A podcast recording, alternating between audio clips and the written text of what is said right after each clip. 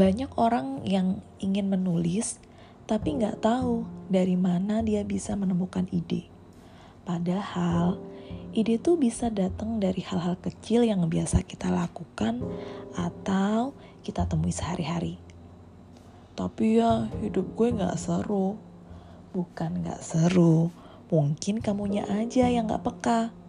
Sama ide yang bertebaran kayak pasir di lautan aja kamu nggak peka apalagi sama kodenya dia yang sebenarnya udah lama nunggu kamu. Kalau hidup gue sih terlalu seru. Saking serunya gue bingung mau mana yang bisa dieksekusi. Nah, kalau ceritanya kayak gini beda lagi.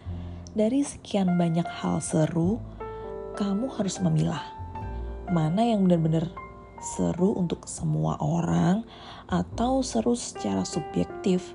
Secara pas waktu itu kamu lagi sama doi gitu.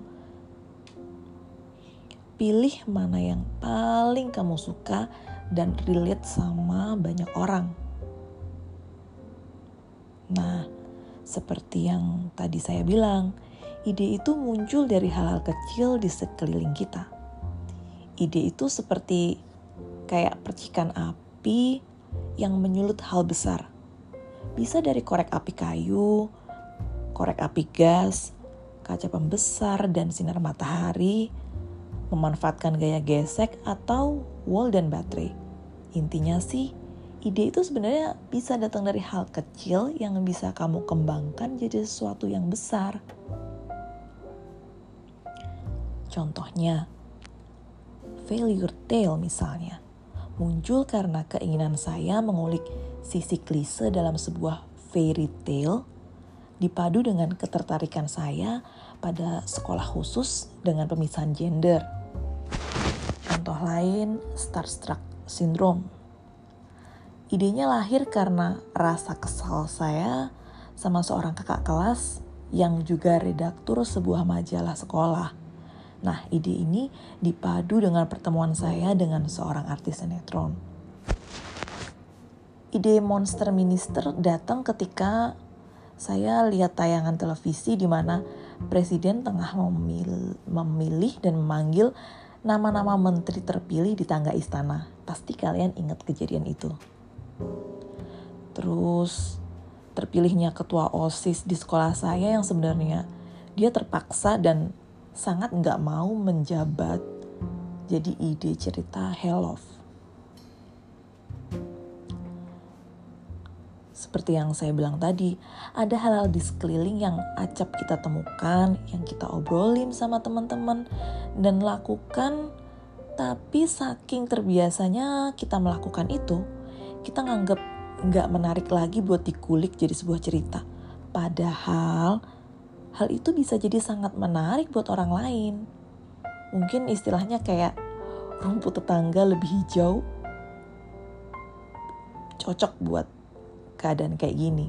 Karena menilai ide atau hal-hal yang jauh dari kita lebih menarik hingga kita lupa bersyukur bahwa kadang tuh kita bakal tahu betapa kerennya yang kita miliki ketika kita udah kehilangan Kata pepatah sih gitu.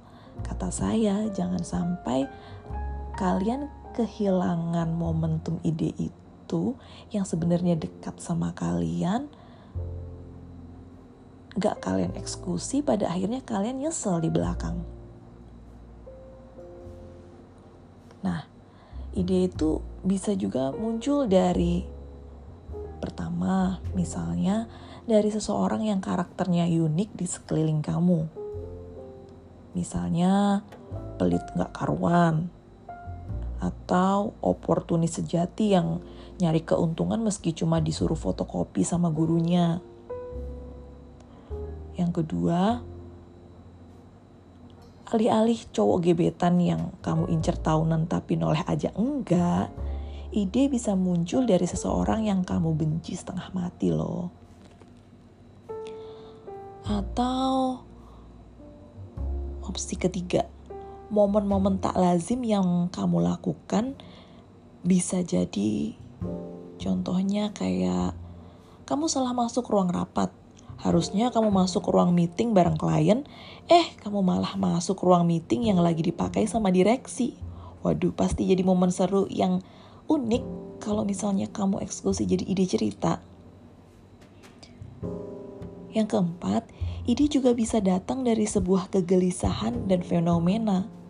Misalnya, kamu punya kegelisahan tentang teman kamu yang mengalami kekerasan di rumahnya. Nah, kamu jadi ingin bikin orang tuh sadar bahwa kekerasan yang dialami seorang anak di rumahnya bisa banget dilaporkan ke Komnas Perlindungan Anak misalnya. Nah, nggak cuma cerita lucu, cerita seneng atau ketemu sama orang, kamu juga bisa dapat ide dari sebuah kegagalan. Yes, kegagalan. Misalnya, kegagalan kamu dalam meraih sebuah impian bisa banget dilampiaskan menjadi sebuah ide yang vibes-nya lebih positif. Contohnya kamu gagal dapat beasiswa kuliah di Mars. Terus kamu buat cerita tentang kampus yang kamu bikin di bulan untuk menyanyi kampus di Mars yang udah menolak kamu misalnya. Ide-ide kayak gitu bisa banget diterapkan di cerita-cerita kamu. Well, terima kasih udah nyimak podcast saya sampai akhir. Semoga bermanfaat ya.